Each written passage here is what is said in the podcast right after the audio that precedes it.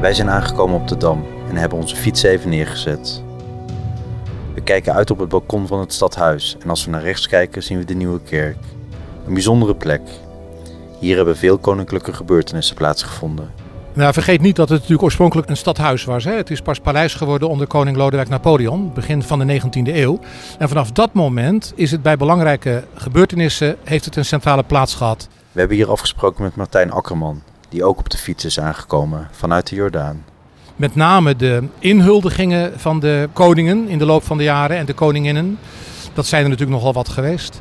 En een aantal huwelijken van vorstelijke personen die in de Nieuwe Kerk hebben plaatsgevonden. Bij een inhuldiging zijn de koninklijke inhuldigingsjuwelen aanwezig. Over kroonjuwelen kunnen we niet spreken in Nederland, want bij ons heet een kroning een inhuldiging. De inhuldigingsjuwelen bestaan uit een kroon, een scepter, een rijksappel, het rijkszwaard en het rijksvaandel. Deze liggen symbolisch op een tafel voor de in te huldigen vorst of vorstin.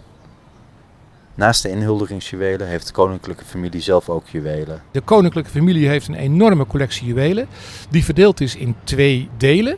Je hebt de privéjuwelen, dat zijn de juwelen die bijvoorbeeld met verjaardagen geschonken worden en die na het overlijden verdeeld kunnen worden tussen nabestaanden. En je hebt de zogenaamde onvervreemdbare juwelen. En dat zijn de juwelen die vaak al eeuwenlang in de familie zijn. Die zijn in de 60 jaren door koningin Juliana ondergebracht in een stichting, zodat ze niet meer verkocht kunnen worden. De vorst is voorzitter van die stichting en de leden van de familie kunnen daaruit lenen. Deze juwelen bevatten tal van diamanten en kleurstenen, zoals saffieren, smaragden, robijnen en parels. Een van de diamanten heeft zelfs een haast mythische status. Ja, Nederland heeft tegenwoordig nog één bekende diamant. De Oranjes hebben er meer gehad in het verleden, maar die zijn allemaal verdwenen door huwelijken voordat de collectie onvervreemdbaar werd. Er is nu nog één grote diamant, een druppelvormige steen van 40 karaat, zo'n 3 centimeter hoog, zogenaamd roosgeslepen. Dat betekent dat hij op zilverfolie is gezet om de schittering te verhogen. Die steen is heel licht groenblauw van kleur, een hele bijzondere kleur. En die steen die is in 1690 aangekocht door koning stadhouder Willem III in Engeland en koningin Mary Stuart voor 90.000 guldens in die tijd. En daar is dus een druppelvormige steen van geslepen. En die vind je in de loop van de eeuwen daarna in alle inventarissen terug, maar steeds in een ander juweel. Ik heb hem teruggevonden in een broche, in een collier, in een uh, hoedsieraad, in een gesp. Hij wordt zelfs onder koning stadhouder Willem III en de koningin Mary wordt hij zelfs een keer op de rug beschreven. Een broche van de grote diamant om achter op een tabbaard te dragen, dus op de rug van de tabbaard. Die steen die is heel bijzonder en die is nog steeds in Nederlands bezit. En die is in 1897 door koningin Wilhelmina in haar opdracht in een diadeem gezet. Die zij gedragen heeft met haar inhuldiging. Daar heeft ze speciaal voor gekozen omdat ze een soort adoratie had voor de koning-stadhouder en koningin Mary. Heeft ze juist voor die diamant gekozen. En zij noemde die steen vanaf dat moment de Stuart. Maar in alle eeuwen daarvoor staat hij beschreven als de grote diamant. De diamant werd tentoongesteld op de wereldtentoonstelling van 1851 in Londen. Koning Willem III, dus de vader van koningin Wilhelmina, heeft de steen in 1851 uitgeleend voor de grote wereldtentoonstelling in Londen. Daar lagen een aantal toen bekende grote diamanten. En deze steen was toen de zesde grote diamant die bekend was. Later zijn er veel grotere gevonden, maar toen was het de zesde grote diamant. Toen zei ze, ja, de grote diamant, dat is geen naam. We willen die diamant een naam geven. En toen heeft Engeland gezegd, we noemen hem de Holland, want hij komt uit Holland. Of er zijn ook catalogus waar hij in beschreven staat als de koon, de denappel, omdat hij een druppelvorm heeft. Maar uiteindelijk, toen hij terugkwam, is het eerst weer de grote diamant geworden. En vanaf 1897, vanaf de inhuldiging, de Stuart. Dat de steen Stuart werd genoemd, heeft Martijn ontdekt. Ik heb in 1987 in het William en Mary jaar de inventaris van de koningin Mary proberen te reconstrueren. En toen kwam ik op het verhaal terecht dat koningin Wilhelmina hem dus de Stuart noemde. Ik heb dat toen gepubliceerd en dat, ja, dat wordt overgenomen. De Stuart-diamant maakt onderdeel uit van het diadeem dat door de koningin wordt gedragen. Ja, Wilhelmina heeft hem dus laten zetten in een diadeem waarmee ze ingehuldigd is in 1897. Tot die tijd zat hij in een collier. Koningin Emma, dus de tweede vrouw van Willem III en de moeder van Wilhelmina, die droeg hem in een collier. Wilhelmina heeft hem in een diadeem laten zetten, wat na haar abdicatie in 1948 gedragen werd door Juliana. Ze was zelfs nog geen koningin officieel toen ze het al droeg. De avond voor de inhuldiging in 1948 heeft ze hem al gedragen in het concertgebouw.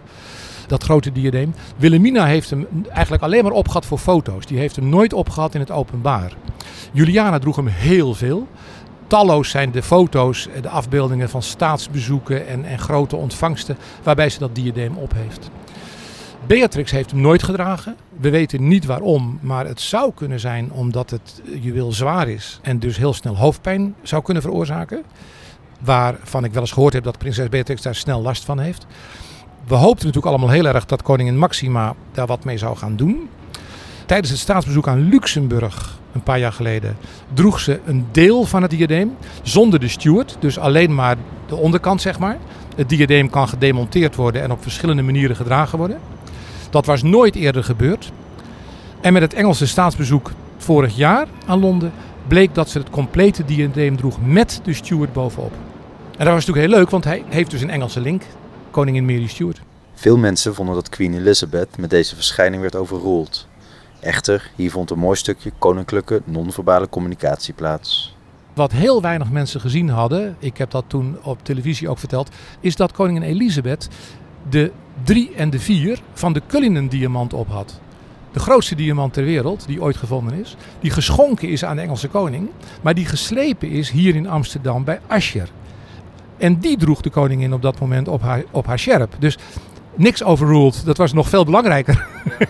De Stuart diamant heeft een bijzondere blauw-groene kleur. De kleur van diamant wordt veroorzaakt door mineralen en materialen in de grond, hè, waar de diamant gevonden wordt. Je hebt diamanten van wit tot zwart en alles wat ertussen zit. Het meest zeldzame is rood. Roze komt veel voor in Australië. En al die kleuren worden veroorzaakt door mineralen miljoenen jaren geleden die aanwezig waren in combinatie met koolstof, waar diamant uit ontstaat. Zuivere koolstof. De kleur blauw, buitengewoon zeldzaam, wordt veroorzaakt door boron, het mineraal boron. Dat is nog niet zo lang bekend, is een aantal jaren geleden ontdekt. En dat boron dat moet in een verhouding aanwezig zijn van een 1 molecuul boron op een miljoen moleculen koolstof. En dan krijg je een kleur blauw. Maar het is zo dat een tiende procent van alle gevonden diamanten blauwachtig is. En daarvan is nog maar weer 10% geschikt voor juwelen. Dus je praat over een heel klein gedeelte. Dan heb je het wel over de wat donkere kleur blauw. Dit is een hele lichte kleur blauw. Maar sowieso is blauw bijzonder.